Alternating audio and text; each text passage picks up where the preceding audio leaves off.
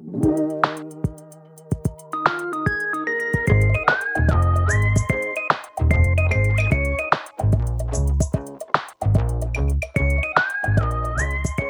och välkomna till det här åttonde avsnittet av Byggnadsvårdspodden. Tänk att vi har gjort åtta avsnitt här nu. Ja, Det går fort. Jättefort. Eh, och vi som pratar är alltså Josefina Fogelin och Anton Björklund. Och Svante Thyrén. Ja. Eh, hörni, idag är det ett lite speciellt program. Vi sitter inte i en studio idag utan vi är i Gysinge. Mm, första gången som vi utanför en, en studio försöker göra ett eh, program. Mm. Så vi viftar hej, hej vilt med mikrofoner fram och tillbaka och hoppas att ljudet håller. Och vi är så här på Gysing idag för att de firar 30-årsjubileum. Och i samband med det här så har de samlat hit då massa olika hantverkare och folk som är aktiva i byggnadsvård. Så det här är en liten, liten festival nästan för liksom byggnadsvårdsvärlden kan man säga. En byggnadsvårdsfestival. Det är Ja. inte dumt. Ja. Ja, det ska bli roligt att gå runt här. Det är första gången för mig som jag besöker det här äh, mytomspunna eh, området. Så det är väldigt spännande och det ska bli roligt att kolla på hantverkarna här som är, och visar sitt hantverk. Har ni några liksom, som ni känner sådär lite extra ska bli spännande att se? Jag vill gå och prata med dem som håller på med trädgård här nedanför. Prata lite, vi hade ju ett program om eh, trädgård och byggnadsvård med Ulrika Ryd tidigare. Mm. Eh, men det är ett eh, annat eh, trädgårdsföretag på plats här som jag gärna pratar lite med om historiska trädgårdar. Ja, och jag är nyfiken på pappspänning. Det har jag fortfarande inte provat, så det tänkte jag titta på. Och så har vi också den omtalade Skur-Sara här på plats som är expert på allt med golv och skurning. Så det tror jag kan bli spännande. Ja, vi får ta ett snack med henne helt enkelt. Eh, Jag tänkte kolla lite på det här med lerklining efter förra veckans, eller, var det två, ja, två avsnitt sen kanske. Blev väldigt intresserad av det, så det ska bli roligt att se. Nu går jag nu. Nu står vi här tillsammans med Gunilla Lundgren och Hannes Granberg. Eh, så ni kommer från Byggnadsvårdsföreningen. Och det här är ju Byggnadsvårdsföreningens podd så det passar ju väldigt bra att vi Ja. pratar med er just. Har ni träffat mycket folk här idag? Ja, det har vi gjort. Ja, men det har vi gjort. Det har varit flera stycken. Det har varit både medlemmar och icke-medlemmar. Medlemmarna kommer fram och säger jag är från Byggnadsvårdsföreningen. De som inte är medlemmar kommer fram och säger ingenting och sen så börjar man prata med dem och så säger de jag älskar byggnadsvård och så blir de medlemmar. Det är jättebra. Har ni fått några nya idag då? Ja, visst, Ja. det har vi Ja, fått. visst. Och en del som inte ens vet om att vi är en förening man kan vara medlemmar i. Vilket var förvånande faktiskt. Och så var det ju spännande att det är många som känner till byggnadskultur men de hade ingen aning om att det liksom ingick i ett medlemskap. Ja, just det. Och det är ju faktiskt jättebra för att det motsvarar ju typ en prenumeration på en tidning och så blir man samtidigt medlem hos oss. Perfekt reklam, reklam. Och får rabatter i byggnadsvårdsbutiker, tillgång till länsombud, vår och höstresa och mycket mer. Ja. Hur många medlemmar är ni nu i föreningen, Gunilla? Ja, det brukar sluta på runt 7000. Så det kan vi säga. Mellan 6 500 och 7000. Det är rätt mycket det. Mm. Det är det. Och eh, ni har funnits sedan 1976 va? Ja, stämmer. Just det. Hur länge har du varit medlem? Eh, jag började 1975. Nej, jag bara skojar. Eh, hur länge har jag varit medlem? Ja, det måste ju vara 20 år eller vad kan det vara? Ja, något sånt. Eh, men Hannes, du kommer ju till föreningen här med lite nytt blod.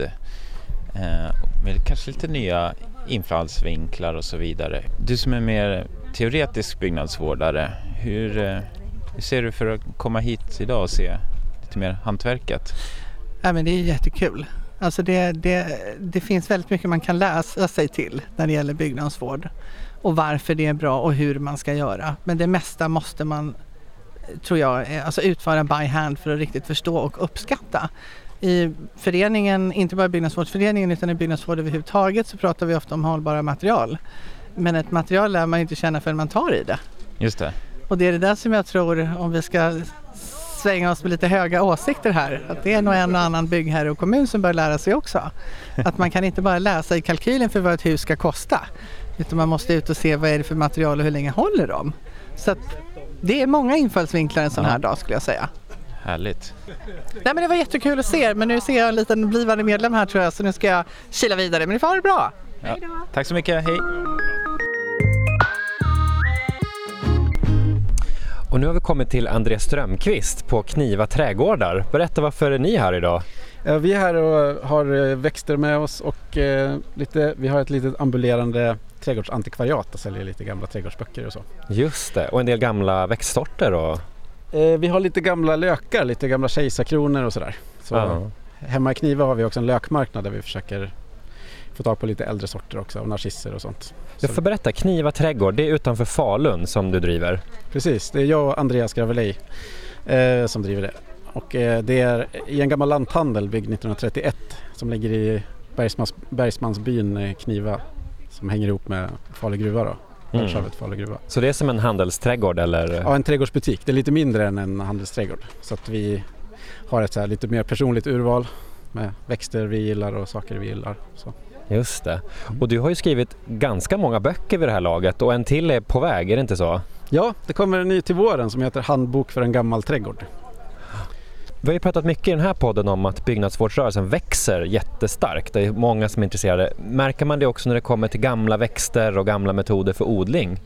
Ja, absolut. Eh, det, ganska det var lite populärt på, på 90-talet också.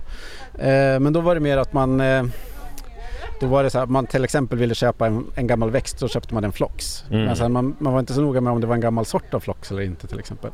Så man börjar liksom eh, bli mer och mer noggrann med var växten kommer ifrån. Och så där att jag vill ha en, om jag vill ha en flox vill jag ha en från 1920-talet om Mm. jag har en trädgård från 20-30-talet. Liksom. Det blir mer finsmakar? Ja, eh, så att man lär, och jag tycker att vi, alltså inom trädgård lär man sig ganska, man har lärt sig en del av, från byggnadsvården också. Just med att använda traditionella metoder som, Mm. man, som man inte har gjort inom trädgård så mycket förut. Det kommer mer och mer. Ja, just det. Tack så jättemycket. Och då tackar vi André Strömqvist och så promenerar vi vidare till, vem ska vi ta? Men du, där står ju någon och hugger lite sten. Det låter ju spännande. Ja, det, måste vi kolla på. spännande ut. Ja. Vi går dit. Hej, vad heter du? Hej, jag heter Filip Rose. Ja, och vad är ditt yrke? Jag är stenhuggare och stenbildhuggare. Ja, kan inte du berätta lite om, du har en massa grejer med dig här idag. Ja, jag har eh, såklart min, mina verktyg med mig och så har jag diverse stensorter med mig som jag brukar jobba med. Ja. Och här framför oss så ligger det ett stenblock som du har börjat hugga i. Ja. Vad är det för typ av sten? Det är en sandsten. Den är, den är grå, Ja. lite, lite blågrå Ja. och den brukar jag ofta använda för att byta ut mot gotländsk sandsten Mhm. när jag restaurerar fasader. Mm. Och den är från Schweiz. Heter Rorschach sandsten. Och ehm, lämpar sig väldigt bra för att, för att byta ut mot just den här gotländska sandstenen. För att de, de är ganska nära i egenskaperna. Och utseende sådär också. Um, ja, Mhm. för att gotländsk sandsten är förvisso också grå fast i en annan ton. Men den, när den väl har suttit i en fasad i ett par hundra år så blir den beige. Brunaktig, lite gul. Så den här gråa nya stenen sticker ut väldigt mycket. Ehm, den gulnar också med tiden men inte lika fort. Mm. Så eh, ett alternativ är att man hittar ett material som, är, som också har den gulbruna beige-tonen Mm. och byter ut mot den här så att, så att ja, intrycket inte blir så här störd. Men det är olika från projekt till projekt vad som föreskrivs. Ni kan inte vara sådär jättemånga stenhuggare i Sverige idag? Mm, Nej, det Nej. är inte så många. Nej. Vilka är dina uppdragsgivare främst då? Eh, Det är mycket Statens fastighetsverk, Svenska kyrkan och några enskilda ja, privatpersoner eller um, bostadsrättsföreningar. Mm. Men eh, senaste åren har jag faktiskt mest jobbat mot Svenska kyrkan. Hur eh, Jobbar du över hela Sverige då eller måste du? Jag jobbar, ja, i princip jobbar jag över hela Sverige men eh, marknaden är ganska liten och väldigt koncentrerad eh, i Stockholm faktiskt. Eller jag bor nära Stockholm så jag jobbar faktiskt mest i Stockholm. Jag skulle kunna tänka mig att jobba var som helst. Ehm, men finns på andra ställen finns ju också stenhuggare som typ mer eller mindre täcker sin marknad ofta. Kan inte du berätta lite om dina verktyg? Berätta lite om hur de ser ut och hur de Okej. används. Ja, Så måste vi höra lite hur det låter Ja, men också. precis. ska vi... Ja, precis. Vi börjar med, eh, med, med, med ljudet.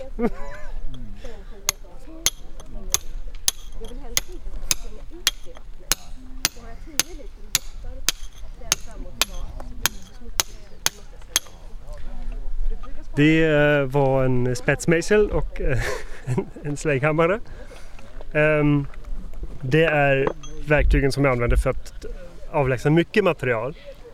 När jag har gjort det så kan jag gå över till ett annat verktyg, ett skaftat verktyg. En, en bila som jag kan jämna ut utan mer som jag precis har spetshuggit. Det låter så här.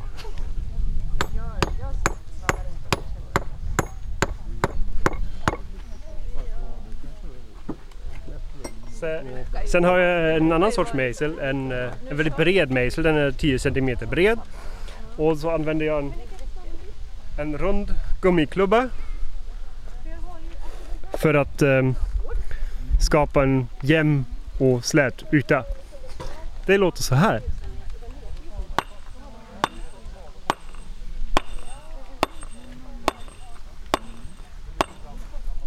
Ja, vackert. Är det det här som kallas för lågerhuggen? Ja, precis. Det är precis vad det är. Det blir som så här ränder i sten. Otroligt vackert. Man kan se det på fasader ibland, på så här grunder. Vad hette det? Lågerhuggen tror jag. Jaha, okej. Och det är som man kan säga ungefär som att man har rispat med en gaffel i stenen. För en lekman. Typ. Ja, nästan. Jag skulle snarare säga att man har tagit en rund fil och dragit den med stenen. Det, är, ja. det är mitt intryck. Ja. Men så har jag ett annat, eh, ett annat exempel på en låghuggning. Det är en låghuggning med en tandad mejsel. Och det är faktiskt någonting som är väldigt specifikt för Sverige enligt min erfarenhet. Jag har inte sett den någon annanstans. Ehm, Då har jag också en, så, då har jag också en sån bred mejsel som då har massa tänder, ungefär nio stycken på två centimeter för att jag har slipat dem själv. Och det är en typisk bearbetning i kalksten här i Sverige som man då också har använt för sandstens bearbetning i samma tidsperiod ungefär kring eh, förra sekelskiftet. Alltså 1800-1900-tal. Ehm, eh, men som sagt, det som är väldigt spännande är att jag inte sett det någon annanstans. Jag har inte varit runt jättemycket men jag har inte sett det i Frankrike, inte i Tyskland. Spännande. Vad roligt att vi fick prata med dig. Det skulle vara väldigt kul att bjuda in, eh, förlåt vad var det det hette? Filip. Filip eh, till eh, ett specialavsnitt om sten. Ja, det är klart. Har du lust? Vi tar ett Ja. visitkort och så ringer vi dig.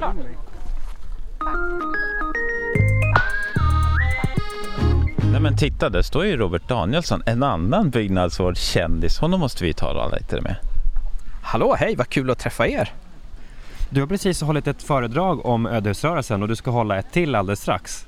Ja, det stämmer. Jag ska till och med drista mig till att prata om byggnadsvårdens framtid. Oj! Vad vi har för behov och efterfrågan och hur, hur löser vi de stora frågorna som vi har i här samhället på byggnadsvårdsvis. Jaha. Och vad, kan du avslöja några svar? Alltså, det är ju så att efterfrågan på kunskap, och det kanske märks här i Gysinge och det är så otroligt mycket folk, att kunskap efterfrågas otroligt mycket. Mm. Eh, att kunna själv är en, en, en väldigt viktig del i det här tror jag, i den här omställningen som vi kanske måste möta på, på var och en på sitt sätt. Mm. Och just ödehusrörelsen är väl det som ofta brukar lyfta fram, att det har gått så snabbt. Att så många, hur många är det som är med i din grupp där på Facebook? Vi har passerat 30 000 medlemmar nu, Ja. har vi gjort, och det är ju väldigt många som gör resan och, och är mitt i den och många har jag träffat här idag. Jag, jag- jag, pratar ju liksom om någonting som kommer att hända och de människorna som jag träffar, de är redan i det. Och då blir det lite schizofrent nästan. Så att ja, det här kommer att hända och så träffar man mä- människor som precis berättar om allting som händer just nu. Det är lite häftigt. Men du, du slog slag i, slag i saken och och köpte ett ödehus själv har jag sett. Ja, ett till. jag har tre hus nu och jag har köpt ett hus som, eh, alltså det är i praktiken byggnadsminnesnivå på. Eh, 350 kvadratmeter som saknar i praktiken allt av funktionalitet. Och det jag tänkte jag skulle berätta det är hur man får det här huset praktiskt men utan att fördärva det som är husets kulturhistoriska värden. Och med obefintlig budget. Det är min grej. Spännande. Ska du bräcka Lars Sjöberg i antal eh, hus som du räddar? Du, jag hoppas inte det. jag jobbar ju med hus i mitt vanliga jobb och det blir ju det så här att eh, eh, det är lite grann som Mjölnans barn eller vad som helst så här att eh, man fyller ju liksom hela sin tid med hus på Ja. något vis. Lars Sjöberg är alltså en konsthistoriker som är känd för att ha räddat flera herrgårdar och andra hus och ett kapell och allt möjligt. Stämmer, 11 hus var det väl va? Som man hade på senaste Ja. scoringlistan. Du har några kvar då med andra ord. Ja, precis. Och sen är ju frågan så att säga vilken nivå man hamnar för, för det, är liksom, det blir någonstans sådär elitklass i husrenovering. Alltså där, när man pratar om de här som han jobbar med, Regnaholm, och det, där, det är ju svåra hus. Mm. Alltså det är svåra ställningstagande, varje ställningstagande kostar mycket pengar. Och då är det så här, kloka beslut, det är byggnadsvård. Kloka beslut ja. ja. Men du, kommer det fortsätta öka så här dramatiskt tror du som du har gjort nu till exempel med ödehusrörelsen? Ja, för vi har några saker, några puckar framför oss. Ja. Jag tror att vi väldigt snart kommer ha klimatflyktingar som tar sig till Sverige på grund av bränder, missväxt, vattenbrist och så vidare. Och det här tillsammans med de andra nordiska länderna har en väldigt stor fördel. Vi har väldigt mycket av de behoven redan lösta. Mm. Så att jag tror att vi måste ställa in oss på ungefär som Syrienkrisen då. Så kommer vi ha en eller flera vågor till med människor som kommer fast av andra skäl. Så att jag tror att det här kommer fortsätta och lika så att det bor en liten preppis i oss allihop tror jag på något vis. Det här att få någon liten sån här självständighet. Och framförallt om det till exempel blir så att elpriset blir det dubbla till Mm. exempel. Då blir det här att skapa ett oberoende blir nästan en egen intern drivkraft. Men jag tänker också det här med pandemin har ju möjliggjort att många jobbar hemifrån. Så jag tror att den här äh, stats... Eh, vad säger jag? Urbaniseringen Ja, och hela... Den ja, kanske börjar börjar vända. ebba ut. Eller vad tror du? Ja absolut. Alltså, framförallt så är det det att vi börjar på att värdera vår egen tid. Eh, vi ser att vi kan jobba mer effektivt hemifrån. Men det är också så här, varför åka kanske en och en halv timme på resa till ett kontor för att göra de arbetsuppgifter jag kunde gjort hemma? Så jag tror väldigt många börjar på att värdera sin tid och sitt eget liv. Och det tycker jag är positivt. Jag har ju sett egentligen bara positiva eh, effekter av pandemin förutom all, all sjukdom, alla dödsfall då, så är, är synen på sitt liv tror jag faktiskt är det bättre. Man saktar upp lite grann. Det blir en händelserik framtid för byggnadsvården i alla fall. Det känns ju... Det kan vi skriva under på. Ja. Ja, men vad kul att prata med dig Robert. Ja, jättekul och det det var så roligt att se er på riktigt. Jag menar, man har ju bara lyssnat på er i sina lurar när man håller på att jobba så det var jätteroligt att se på riktigt. Kul att se dig också. Och du sist, vart, vart följer man dig någonstans? Eh, Jag räddar ett ödehus på Facebook eller Robert Danielsson skribent på Instagram med diverse underkonton. Just Jag det. räddar ett ödehus och RD Kultur och ja, sådär. Det finns lite att välja på. Ja, det finns det. Tack så mycket! Tack så mycket.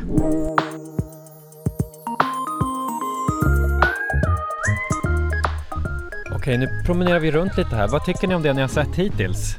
Det är väldigt mycket folk, är det inte det? Ja, Det, är, det var kö långt ut på eh, den här Gysingevägen.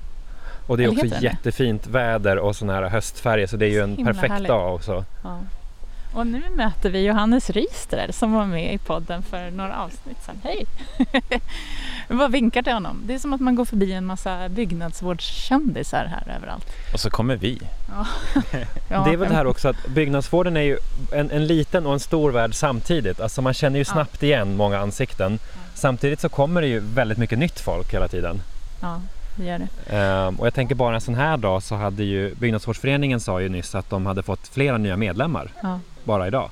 Jag funderar lite på vilka det är som besöker den här dagen. Är det så här byggnadsvårdsrävar eller är det personer som inte har så mycket koppling till byggnadsvården sedan innan? Vad tror ni?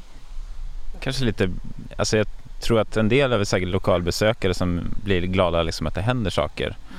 Eh, säger jag som en stockholmare här men, men, men säkert kommer det väl, jag hoppas att det kommer lite från folk från Ja. hela Sverige. Ehm, men hörni, när vi ändå är här i Gysinge, Gysinge är, det är alltså Gysinge centrum för byggnadsvård, så vi säger rätt namn, eh, som firar 30 år i år. Och de är ju en sån här byggnadsvårdsbutik som har gått i bräschen. Nu finns det ju många olika byggnadsvårdscentrum Mm. och byggnadsvårdsbutiker och så här. Men vad, vad brukar ni köpa? Alltså, brukar ni gå på byggnadsvårdsbutiker för det första? Ja, det är inte en gång i veckan kanske, men det är rätt ofta i alla fall. Ja. Och det är kanske dels för att vi renoverar hemma, men sen är det också för att jag är så... Alltså det är ju det är mitt jobb liksom. Ja. Och de grejer vi behöver finns oftast på sådana butiker. Så det är liksom linolja, kitt, lindrev, Mm. sådana här förbrukningsvaror mer eller mindre som går åt hela tiden. Du då Josefina? Alltså det här är ju min hemmabutik. Jag bor ju typ 10 minuter härifrån med bil. Så att jag är här, nej men också inte, inte en gång i veckan men i alla fall kanske varannan. Ja. Det är mycket färg just nu. Men annars är det ju liksom allting som man behöver till sin renovering. Och jag brukar ju passa på när jag är i, på andra platser också. Och eh, om jag besöker en ny stad och hoppa in och kolla om det finns någon byggnadsvårdsbutik och vad det är för sortiment, om man hittar något, något Mm. nytt. Och, Det brukar jag också kolla. eh, prova lite olika typer av färger och sådär. Det tycker jag är kul. Men det är väldigt mysigt i Gysinge för det är ju liksom som, det är ju en ganska stor, eh, ett stort område med flera olika byggnader och sådär. Eh, så det är lite mer än den här lilla, lilla byggnadsvårdsbutiken. Det tycker jag är härligt. Man kan strosa omkring och titta på olika typer av hantverk och material och sådär. Så det tycker jag är kul. En mysig plats. Ja, man får verkligen helheten. Alltså det är både bostadsbyggnader, ekonomibyggnader, man går runt i olika rum från olika tidsepoker. Så det, det är ganska pedagogiskt, eller hur? Ja.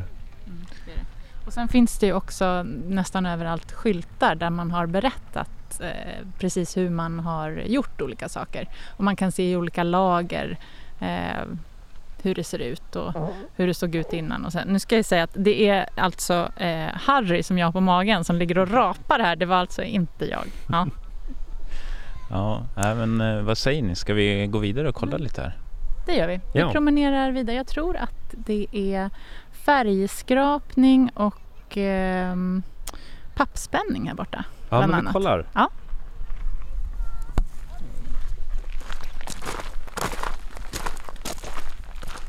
Nu står vi här vid färgskrapning i högsta, högsta hugg. Eh, vilka är ni? Jag heter Johanna och är från Spediter System.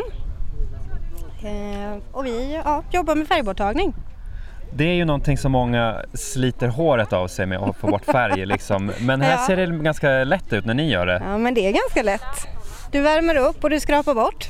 Ja. Ja, Utan att skada träet under. jajamän. Och utan att du som eh, användare behöver ta i eller... Ja. Ja, just det. ja. Men är det här liksom en vanlig husägare? Jag menar, vem, vem behöver en sån här? Ska man hyra den eller ska man ha en Så själv? vi har ju lite olika modeller. Jag kan väl tycka att kobran till exempel är någonting som borde finnas i alla hushåll. Mm. Medan de större kanske är mer ja, att man hyr eller eh, går ihop och köper med en kompis eller alltså så. Lite just beroende det. på vad man har för behov. Byalag. Nu ser vi hur det bubblar upp här direkt. Den stod på, det var inte så många sekunder. 10 till 15 sekunder ungefär. 10 till 15 sekunder. Det går ganska snabbt och då försvinner det och blir alldeles liksom trärent. Va, vad är de vanligaste misstagen folk gör när de eh, skrapar färg eller? Ja, att man inte värmer som nu då tillräckligt länge. Mm. Eh, eller att du värmer för länge. Det. Sen är det väl ganska viktigt att ta reda lite på vad det är för färg du ska värma bort. Eh, För det är inte så lätt alla gånger att förstå. Nej. Är det här plastfärg? Är det något annat? Ja, Eh, precis. Hur ska man tänka då? Ja, alltså jag tycker väl att man ska rådgöra med någon kanske i färgbutik eller alltså så byggnadsvårdsbutik. Mm. Ja. Fråga en, målare eller hantverkare. Ja, och sen, precis. precis. eh, Just det. Mm. Ja, men vad fint. Tack så mycket för tips. Tack så mycket, hej då!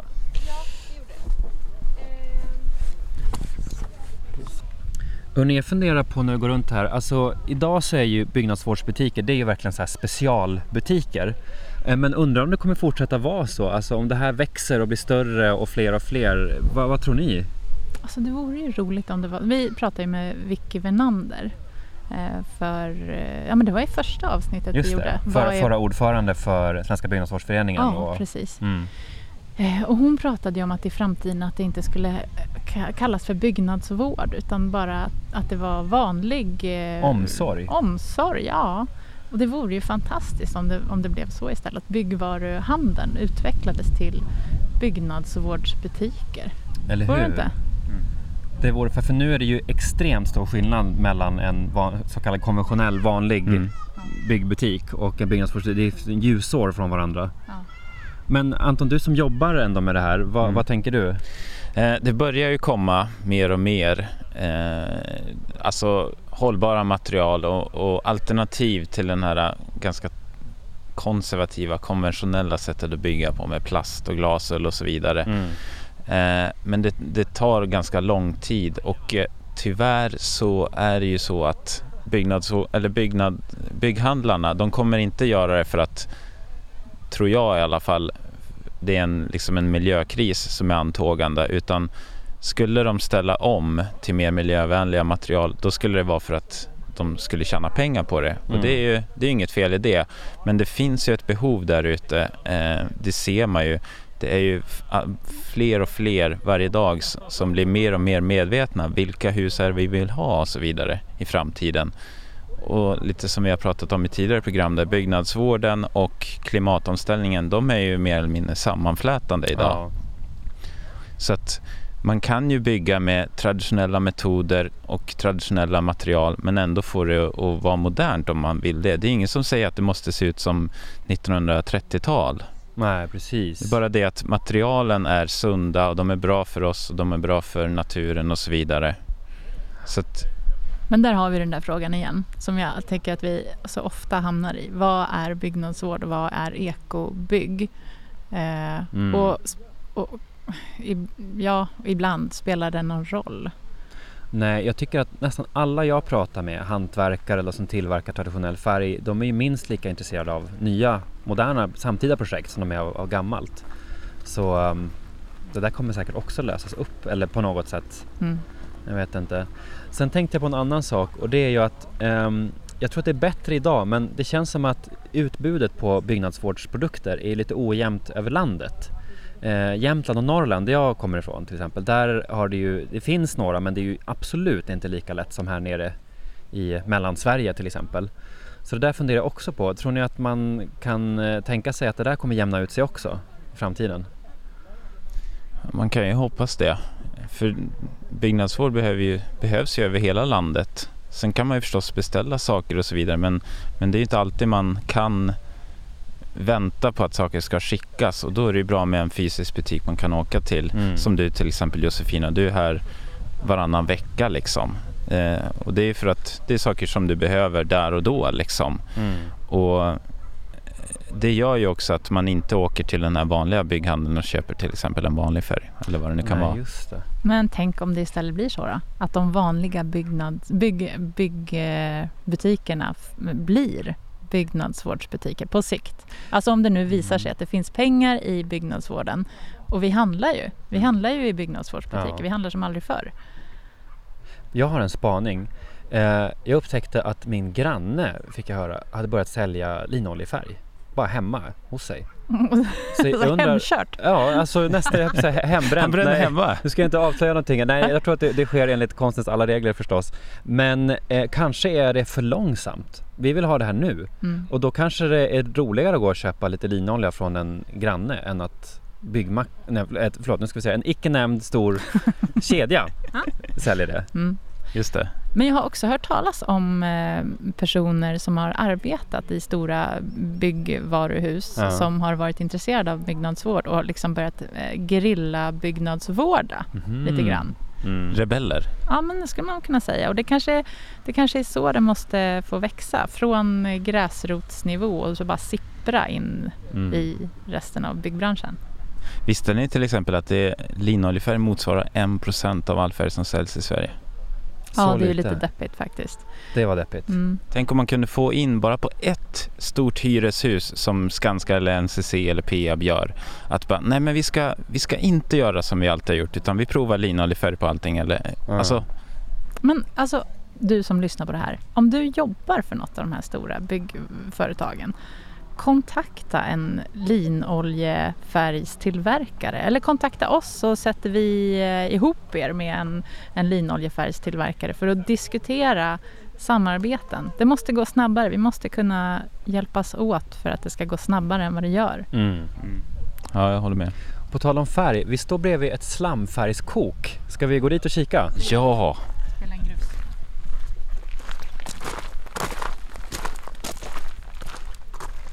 Hej, får vi komma och störa er? han pekar på en... Så.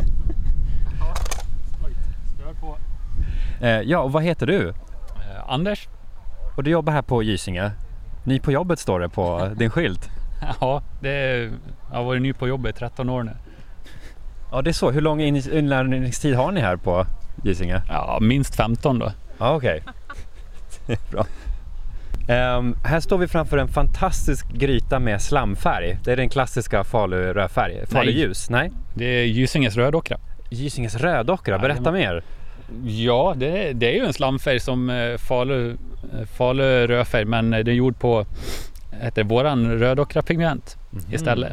För Falupigmentet då. Okej, är det lite en annan eh, kvalitet, ton eller vad är Ja, framförallt kvaliteten är ju mycket bättre. Mm. Nej, men vi använder eh, rågmjöl och, och, och lite andra grejer. Vi vet ju inte exakt vad de har i sin, men eh, det är ju vårat pigment i alla fall som vi gillar bättre. Det är lite industrihemligheter det här va, med färgrecept? och- Ja, allt får man ju inte berätta. Nej. Så är det ju. Då måste man ju få fråga, linolja eller inte linolja? Mm, det beror på vad det är målat med innan. Ja. Är det målat med eh, slamfärg med linolja innan, då behöver man ju ha det sen också för att det ska fastna. Men eh, målar du på trärent, då kan du köra utan. Är Då, är- då är det liksom en smaksak. Ja. Och det är inte så att det är bättre då att köra utan olja om man nu inte har någonting under? Eh, Smaksak? ja, det ska jag säga. D- Den utan linolja är ju lite ljusare. Just det. Så att det är en liten kulörskillnad. Hur avgör man om det är tidigare målat med linolja eller inte? Vet du inte så chansa inte. Det är, ja, då märker du annars om färgen trillar av. Nej men eh, det, vet du inte så använd linolja i, i det du målar på. Nu har ju ni en jättefin gryta här. En slags, vad kallar du det när ni kokar i? En Ja det är en pannmur. pannmur? En gammal tvättbalja. Just det. Måste man ha en sån för att kunna göra det här själv eller kan man ta fram en tunna och... Ja, det underlättar ju om man har en sån här men det går väl att koka i en kastrull på spisen eller på en kokplatta om man vill också. I mindre eh, batcher då. Ja. Så man behöver inte ha jätteavancerad utrustning och det kanske man inte hade förr heller alla gånger. Det hade man ju inte. Det är, ja, den mest avancerade jag har är ju en eh, skruvdragare med en, eh, en visp på. Ja. Och det är för att jag är lat. En annan eh, berömd och omdiskuterad ingrediens här är ju urin. Ja. Va? Det är bara när jag är arg på chefen. Vadå på riktigt Svante? Ja, det, det, det finns, men det, jag undrar om det är en skröna eller om det faktiskt är så. Ja, det är ingenting jag har haft i. Nej, här är Man det. får det skriftligt eller? Jag vill inte köpa eh, färg med kiss i tack. Men det är väl inte så dumt? Men vi kissar ju på växter och allt möjligt. Det är väl, eller? Men vad skulle vara liksom uspen i det? Ingen men- som vet. nej. Men eh, Det låter bra. kemi. Ja, okej. Ja, det är, man höjer väl pH, vad det nu ska vara bra för. Jag vet inte. Men förr i tiden fanns det väl en sån här rödfärgsgubbe i var och varannan krok? Va? Visst var det så? Man gick runt och kanske kokade färgen och så vidare. Har du någon bakgrundshistoria om det där? Eh, nej, inte mycket mer än så. Att det fanns rödfärgsgubbar som gick omkring och, och, och, och ja, koka färg. Tjänar väl pengar på något sätt. Jag har en fråga. Eh, alltså det här man har hört om att den ljusa eh, färgen alltid är den äldsta. Jag har hört att det är en myt. Att man, att man typ på 1700-talet an, alltid använde den, de ljusaste pigmenten och att det sen på, ja men rätta mig om jag har fel, typ 1800-tal blev mer modernt med de mörkare pigmenten. Jag har hört att det är fel. Har du någon eh, aning? Eh, nej, Nej. inte den blekaste Nej. faktiskt. Nej. Kanske är det så att det är ju, alltså alla som har kokat har sitt, eh, sina egna recept och Mm. lite variation. Men var det inte som så att man ville efterlikna tegel eh, tegelfärg från början och därför kanske den var ljusare, eller? Det är bara en amatörgissning. Alltså det jag har hört är ju att, eh, att det kanske finns någon form av sanning i att de ljusaste var mer moderna då på 1700-talet men att variationerna var så stora över hela landet att eh, det egentligen inte gör eh, så stor skillnad som man har trott tidigare. Men jag vet inte. Spännande. Vi får forska vidare i det tror jag. Jag måste bara säga, nu fick jag äran att röra runt lite här med slev och det är eh, som att röra i en väldigt tjock härlig välling. om Jag ska beskriva det. Det, det är en väldigt fin känsla faktiskt att, att röra runt i det här. Eh, och det är segt och fint. Vilket stadium är den här kokningen i? Är den snart klar? Eller? Ja, och i princip är den klar. Kanske ska spädas med lite mer vatten till och med. ja, den är väldigt tjock. Ja, Ja. Hur vet man det då? Alltså hur vet man att det är rätt konsistens? Ja den, den känns som färg. Den går på Man känsla. ser, Man kokar i färg i tio år och sen vet man. Ja. Men om man nu inte har kokat färg i tio år, kan man göra det här om man inte är liksom proffs? Ja, det är, man, man, följer ett recept. Men hur vet Ungefär. man då, då hur det ska kännas ungefär? Om ni skulle jämföra, du sa välling, jag vet inte hur välling känns. Vad kan det vara? Är, det? är det kaksmet eller liksom Pannkakssmet. Ja, ja, tjock pannkakssmet kanske Ja. man kan säga. Någonting sånt. Det ser väldigt härligt ut. Och sen förstås, eh, all slamfärg är ju naturligtvis inte röd. Det finns ju massor med olika kulörer. En del ser vi ju här på Gysinge. finns det ju gulockra och lite allt möjligt va? Ja, Uppmålat. bra det. Grönt och vad finns det för klassiska pigment som passar med slamfärg? klassiska pigment, det är, det är väl rött pigment. Sen eh, har vi väl använt eh, av eh, brun eh, umbra och eh, grön umbra. Mm. Har vi Man kan ha i lite vad man vill. Ja, ja det finns jättefina. Ja, det är nog den här rödockran. Mm.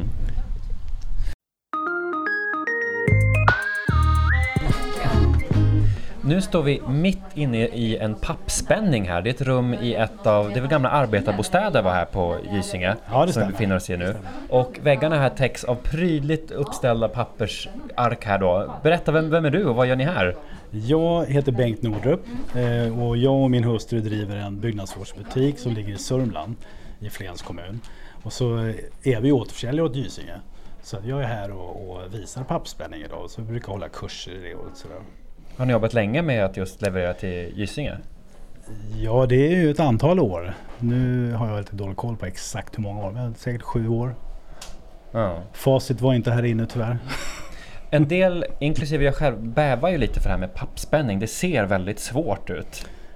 Ja, många tror ju att det är svårt ska jag säga. Det, och det är nog kanske för att man gör det svårt för sig själv. Att man drar i pappen för hårt så att den spänner sönder sen. Utan det handlar om att man ska vara lätt på handen, klappa och spika. Och, så man ska tycka om pappen. Man måste vara vän med materialet. Lite åt det hållet. Ja. Så att, eh, nu är det här en podd men rakt bakom oss är det en papp som sattes upp av två tjejer idag som aldrig har satt upp en papp förut. Det ser Jag jätteproffsigt tror ut. att ni tycker att det ser rätt bra ut. Ja, verkligen. Det ser helt slätt och fint Ja. ut. Man ser inte någon skavank. Också jag tänker på det här med att eh, timmerväggarna här, de är ju ganska krokiga och fulla med liksom, ojämnheter, men det ser ju väldigt slätt och fint ut Ja, ändå. men det gör det. Det är, det är ofta en ambitionsnivå vad man kan stå ut med. För en ojämn timmervägg kan ju lämna spår av att den viker över en ojämnhet i väggen. Eh, Behöver inte vara av ondo, för det är ganska charmigt det också. Eh, Vill man att det ska vara helt slätt så kan man grunda med lerklining för att jämna upp väggen lite grann. Men då är det tunna lager som gäller. Och det ska vara helt torrt innan man spänner pappen. Mm. Om man är sådär överperfektionist som... Ja. Ja. Men du, förutom att pappspänning förstås är kulturhistoriskt jättespännande och sådär, vad är de bästa argumenten för pappspänning? Det är rent och snyggt hela tiden. Det är inte dammkorn i rummet. Det är det bästa tycker jag. Mm. Och det är bra för idag är vi känsliga för damm. Många har allergi, astma och whatever. Så där har vi ju pappspänning ett väldigt tacksamt material att jobba med. Du får en färdig vägg samma dag. Sen är det väl ganska miljövänligt också om man ser till många... Extremt miljövänligt skulle jag vilja påstå. Det är ju, ma- materialen görs ju fortfarande på gamla sätt och det innehåller ju inte en massa konstigheter. Eh, Så att eh, det, det är en bra skön känsla. Hur skulle du säga kostnadsmässigt då? Kanske många undrar, vad det, är det dyrt eller billigt? Eller? Materialmässigt så kanske många ryggar men kollar man på mantimmar i vad man lägger ner till en färdig vägg då är det väldigt billigt. Mm. För du blir ju färdig samma dag. Hur länge håller en pappspänning? Finns det något svar generellt på den frågan? Egentligen inte idag eftersom pappspänning som material användes ju bara i typ uppåt mot 40 år tror jag. Innan masoniten kom och sen så spikar man över allting. Så, men vi hittar ju bakom material då helt orörda pappväggar som är hur gamla som helst. Mm. Så de är både 100 och 150 år gamla och så Så, att, så det, det kan nog hålla hur länge som helst. Det viktiga är nog att man har någon form av grundvärme i husen någon gång om året i alla fall så att det inte står för rått. För då tappar den ju spänningen efter ett tag. Då. Just det, då töjs den ut och blir Ja, liksom lite... den töjs ut för mycket och då orkar den inte tillbaka riktigt. Så framförallt om det sitter två, tre lager tapet på Ja, så kan den få problem. Då. Jag har en fråga. Hur, eh, jag har hört lite olika bud om det här. Hur länge innan ska man fukta, ta, fukta pappen? Jag brukar säga dagen innan. Ja. Och så lägger man, eh, jag fuktar alltid bara på baksidan. Eh, ganska flödigt med vatten. Och sen så rullar jag ihop dem för då får jag ju båda sidorna på det sättet. Och sen så lägger jag dem i plastsäckar. För att det håller tätt och blött eh, till nästa dag. Är det för bra ventilation eller för varmt då kan pappen ha hunnit torka upp lite grann. Då fuktar man på alla sina montage. Och det gör man genom att torka som skoltavlan i stort sett. Så man bara lägger på lite fukt. Med en svamp? Typ. Ja, med en svamp. Mm. Och sen är det montage som gäller. Och så. Mm. Spännande. Jag är så sugen på att prova hemma. Jag har börjat lite grann.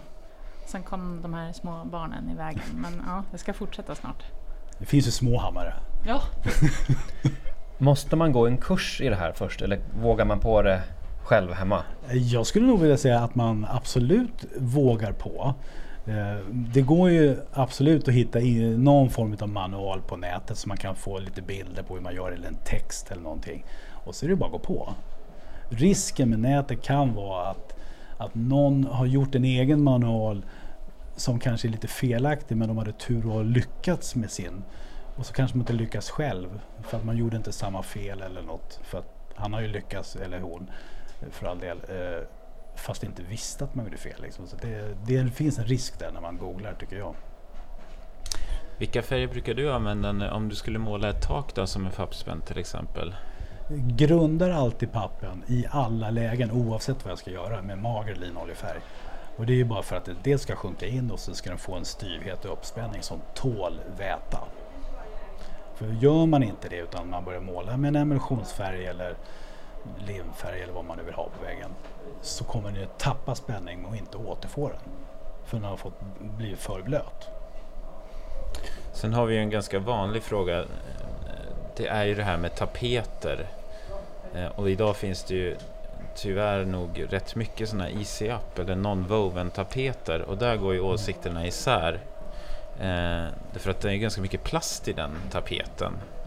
Och papper vill ju röra sig och en tapet som inte rör sig alls. Eh, ja, det blir lite konflikt där. Vad säger du? Ja, det är en konflikt ur miljösynpunkt skulle jag vilja säga. Men, men pappväggen tål den ska säga. Så den, den kommer inte... En ICAP kan man använda eh, och, om man har grundat med linolja. Och det kommer att hålla över tid också. Så att det, det är ingenting man behöver vara orolig för. Sen kan det finnas konflikter i att ska jag ha det, ska jag inte ha det det. rent kulturmässigt. Och, Mm. Men det är ju en ambitionsnivå också. Ja. Det som var förr vanligt med papperstapeter, det börjar ju helt plötsligt nu vara ganska svårt att få tag på. Jag funderar lite på det här med överlappning. Mm. Hur ska man tänka där om man tänker ta- papperstapet kontra typ ICAP? Ja, när det gäller ICAP så är det ju kant till kant som gäller för mönstret är ju bara gjort för det. Mm. Så du får ju ingen mönsterpassning om du inte sätter en kant till kant. Däremot om man använder gamla tapeter som man ska kantskära själv. Där kan man välja att kantskära båda sidor och då får man en överlappning på kanske 5-6 mm. Medan om man väljer att bara kantskära den ena sidan då får man en kraftig överlappning och det är ett sätt att få det att se jättegammalt ut. Ah, Så det är mer en visuell fråga, vad vill jag titta på? ja. Spännande. Ja, roligt. Nu har vi lärt oss lite mer. Det går bra. Jag tror att till och med jag vågar prova. Jag har faktiskt en till fråga. Jo, jag hörde en sån här riktigt specialgrej att ehm, personer som är såna här riktiga proffs, de tapetserar alltid med tanke på var ljuset kommer in någonstans och överlappningarna ska sitta så att ljuset på något sätt eh, inte ska göra att överlappningarna stör ögat när man tittar på mönstret. Ja, men det stämmer. Ja. Och det ska man inte vara rädd för som nybörjare heller, utan man ska göra som proffsen då. Och är, hur, det- är, hur är det man ska tänka då rent praktiskt? Har man en Alltså, ljuskälla i ett rum, ett fönsteröppning exempelvis, så börjar man alltid från fönstret. Och sen tapetserar man två vägar in i rummet och stannar i innerhörn. Och gärna på ett ställe där det inte gör något att mönstret inte passar in. Har man en garderob, stanna där. Eller ovanför en dörröppning eller emot en spis eller något sånt där. Så att man liksom, för har man tur så har ju bara rummet tre hörn. Och då väljer man ju det hörnet. För där kommer inte mönstren att mötas. Och så börjar man från fönstret och går åt andra hållet. Många bra tips! Ja, verkligen. Nu måste vi hem och prova. Ja. Tack! Bara lycka till! Tack så mycket! Ja, tack. Tack så mycket. Här doftar det nyskurat. Och varför då? Ja, här har vi skurat golv. Med... Linoljesåpa. För, för du är, det är du som är Skur-Sara. Ja. Du är en legend har jag hört på det här området. Va, va, hur kommer det sig? ja, jag skurar golv. Jag är en av de få som skurar golv. Om det är typ den enda som skurar golv. Är det så ovanligt ändå att, att ha det som yrke så att säga? Ja, jag har inte hittat någon annan. Och alla förfrågningar som jag får visar på att det finns ingen annan som skurar golv. Men det borde, det känns som att det, det borde komma fler, eller? Jag hoppas det.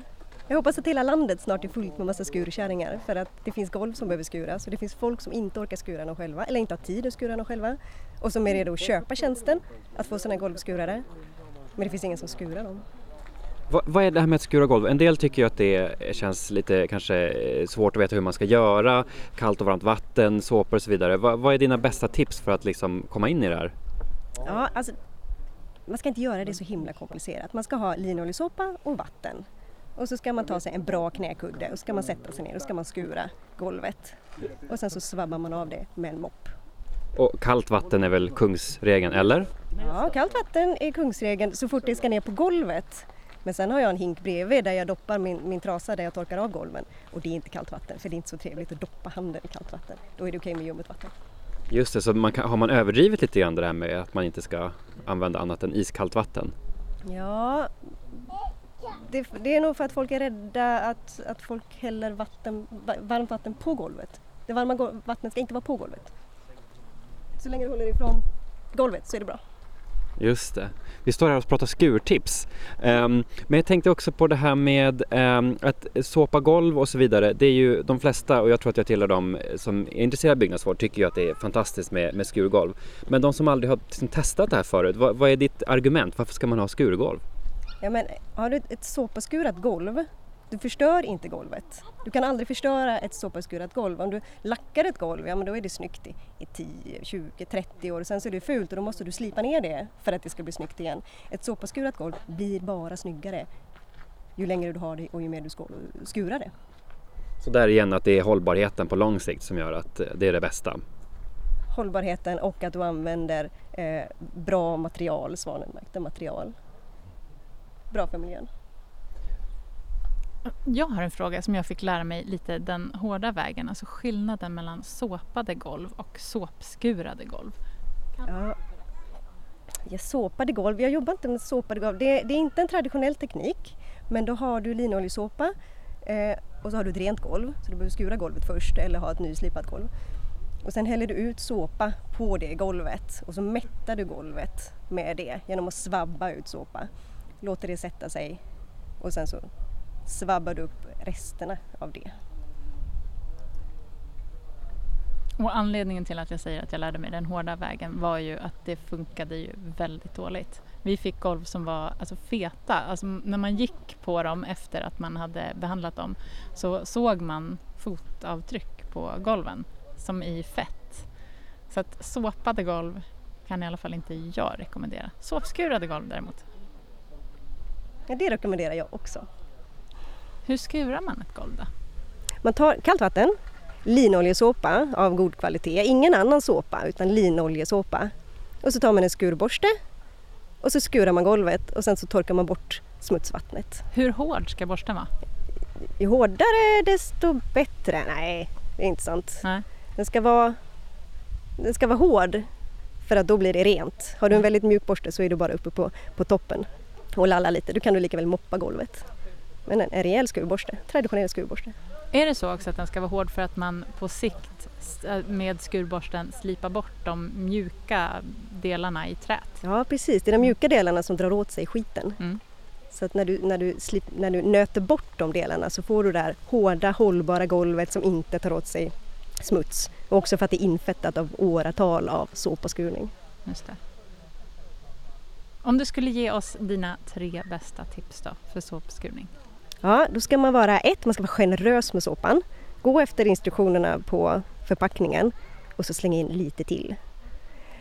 Eh, och sen så ska man ha, ha aldrig fulla hinkar. Alla, alla recept går på att du ska blanda i 10 liter vatten.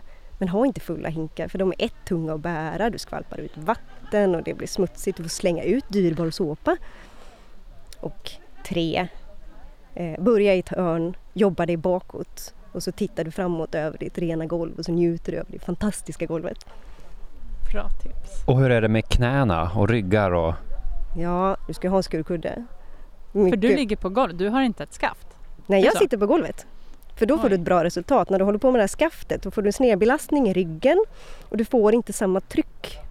När man sitter på knäna och lutar sig med händerna mot skurborsten så får du ett bra tryck. Du ser vad smutsigt är, du ser när det är fläckar. Du kan gå lite extra, lägga på lite koncentrerad såpa, gnugga lite extra. Och resultatet ser vi ju här. Du har med dig två Ja. golv som du har skurat inför publik här idag. Hur, hur smutsiga var de när du kom hit i morse? Ja, de var inte riktigt så smutsiga som jag skulle vilja. Jag tycker ju om att ha jättesmutsiga golv så jag får se det fantastiska resultatet. Men ett av golven här har vi lagt i gången och så har jag bett folk gå på det. Och så har jag spilt ut lite kaffe på det och så har vi hällt lite grus på det och hundar har gått här. Så då var det lite tacksamt att städa. Men alltså jag har en fråga. Ja. De svåraste fläckarna, det är ju faktiskt från barnen. Alltså, jag, jag har någon bild av att eh, alla säger att de är såpskurade golv, de är så hållbara. Eh, jag har en tanke av att det, det kanske de är, men det är också så att man har lite högre tolerans för att eh, det är lite fläckar sedan det senaste århundradet. Jag tänker så här köttfärssås, blåbärspaj. Får man verkligen bort det? Köttfärssås, inga problem. Det är ju fett. Blåbär, där är det lite jobbigt. Då får du vara snabb på och så får du torka bort och lägga på en klick. Ja. Rödvin, inga problem. Röd, nej, inte? Nej. Okej. Fettfläckar är egentligen det lättaste att få bort. okej. Det är för att såpan är så fet i sig. Ja. Ja just det, lika löser lika där. Ja. Mm. Du har också väldigt snygga kuddar. Ja. det är inga vanliga kuddar du har. Nej, Extra det fina. där är gamla yllekuddar stoppade med någonting mycket och hårt. Ja. Det kan inte vara skumgummi, det räcker inte. Det måste Nej, vara mer stöd för knäna. Och en väldigt fin hårklut, eller vad säger man, det du har som huvudbonad här? Och du ser ju ut som min en härlig skurklut. skur... Ja, jag tror ju på riktigt att man städar 45% bättre Ja. om man har en skurklut på huvudet. Jag tror också det faktiskt. Är det inte lite så att man får gå in i en roll? Ja. Av, av att Ja. man är så här... eh, Nej, men Skur-Sara du vet, hon Ja. älskar att göra jättesmutsiga saker jätterent. Hon är alltid jätteglad. förstår. Det är som din städpersona liksom. Ja. Ja, härligt, en sån borde jag också ha. Verkligen, jag borde verkligen skaffa mig en städpersona. Ja, Så får att jag börja med att började- skaffa dig en skurklut. Det är ju steg ett. Och jag har faktiskt en sån här snygg kudde som jag ska börja använda. Ja. Ja. Har du linoljesåpa? Jajamän. Parti och minut, överallt. Ja. Bra, ska jag börja? Ska du också? Svante? Ja, oh ja, jag tycker det är jätteskönt att skura golv också. Det är som terapi tycker jag. Och man känner doften och ja. Nej, men det var bra att få lite mer hand, handgripliga tips här. Ja. Var hittar man dig då? Om, eh, Finns du till exempel på något så här Instagramkonto eller så? Ja. Ja. Jag, har, eh, jag heter Skursara på Instagram Mm. och en hemsida som heter Skursara. ja. Då är det Och där jag har en mejladress som är Skursara. Ja. ja. Då är det där man hittar dig. Jajamän. Tack. Konsekvent marknadsföring. Tack så mycket. Tack.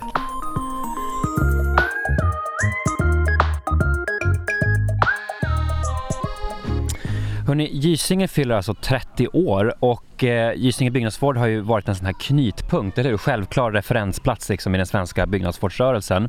Och jag tänker att det har varit en plattform där man har spridit kunskap om kulturhantverk, om material och sånt där för en lite bredare publik. Och nu sitter vi faktiskt med två representanter för Gysinge här. Det är Johanna Hej hej! som jobbar med Jag jobbar med Gysings återförsäljare. Just det, och du jobbar både här och i Stockholm, här i Gysinge och i Stockholmsbutiken, eller? Ja, man kan mest säga att jag jobbar i bilen och hemifrån. Det är så? Det är lite Jag har ambulerande. inget riktigt kontor. Ett litet kontor jag i Stockholm. Just det. Och Anders, du är VD för Gysinge, eller hur? Ja, det stämmer. Sen tre år tillbaka så är det jag som har tagit över skutan. Hur kom det sig att du hamnade på just Gysinge? Ja, det är väl från början ett brinnande intresse. Jag är snickare i botten eh, så att jag har jobbat med, med liknande saker fast inte inom byggnadsvårdsbiten så länge. Fast har haft det intresset och sen fick jag frågan helt enkelt Mm. och eh, blev, eh, kunde inte låta bli. Ett drömjobb helt enkelt. Var det samma för dig att du hade något helt annat område tidigare eller är du inbiten byggnadsvårdare sedan länge? Jag är hobbybyggnadsvårdare så att jag råkade se det här jobbet och kände att det här var ett jobb för mig. Så, för att jag är uppväxt med Gysinge, jag stannar här varje år så mina föräldrar tvingade in mig här och så gick man runt och bara åh, jag är inte klara snart. Men, men det satte sig i ryggmärgen så när jag såg jobbet så var det bara det här ska jag ha. Och så blev det. Mm.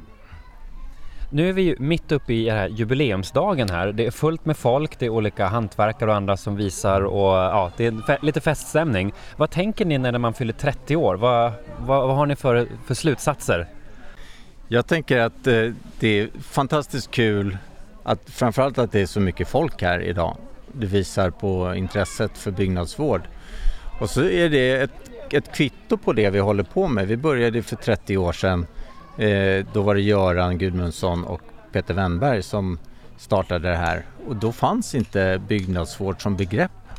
Och Gysinge har då varit med och bygga upp det här från början. Och det som har varit drivkraften har hela tiden varit kunskapen och tillgång på produkter som har gått hand i hand. Och idag så visar vi då upp olika hantverksmetoder. Och det är det som ligger närmast hjärtat egentligen. Just att visa hur man gör och inspirera folk att göra själva. Det tycker jag känns jätteroligt. Det är Gysinges filosofi Det är ungefär. vår filosofi. Vi, Göran har skrivit många böcker för att inspirera och lära ut och vi har varit, tagit fram produkter för traditionella eh, hantverksmetoder som vi tillhandahåller. Mm. Det är liksom där kär, kärnan ligger. Och så säljer vi produkter, det är så vi överlever. Mm. Det är svårt att överleva på, det, på kunskapsförmedlandet men det är en viktig del som går hand i hand med vår affärsidé. Just det. Ja, nu firar ni 30 år. Vad tänker ni om 30 år till? Var är Gy- Gysinge byggnadsvård då tror du, Johanna? Jag tror att vi fortsätter att växa för att man märker nu under coronaåret så har det blivit allt fler människor som har fått upp eh, ögonen för byggnadsvården. Det är jätteroligt. Mm. Så jag tror bara att det går att utöka på alla sätt och vis. Bland annat med produkter och kurser och sånt. Det vill vi, jätte, vi vill jättegärna Mm. på Gysinge hålla kurser igen. Det var länge sedan. Förutom det här då. Ja. Vad, vad säger de som kommer hit idag? Det har varit fullt med folk. Vad, vad får ni för reaktioner? Jag har ju faktiskt stått där inne mest så Anders får svara på det. Det är väldigt positivt. Det, är- alltså det är väl kul att se den stora entusiasmen hos många. Just eh, om man går och tittar på när Johannes eh, lerklinar så står folk och de tittar inte bara på utan de har jätte, jättemycket frågor och är väldigt nyfikna och, och liksom hands-on. De vill göra själva och ha sina egna projekt.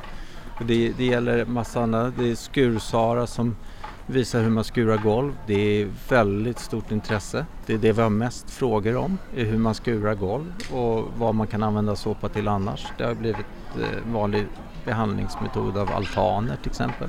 som Folk frågar jättemycket om. Så att det, det, folk är väldigt nöjda med att kunna gå runt och ställa frågor till så mycket experter. Det är jätte, jätteroligt. Det som jag tyckte var roligt också när jag pratade med Sara, var, Skur-Sara då, att hon sa själv att det är många som frågar om att de lägger nya golv. Inte bara att man har det som i ett, i ett hus utan att man faktiskt lägger ett nytt golv i ett gammalt hus eller nytt hus och såpskurar lägger den tiden ändå. Det tycker jag är roligt. För det är också någonting som vi har märkt att det är mer sådana frågor, nya golv, än vad det var tidigare där det var mer bara jag ska återuppta mitt skurgolv.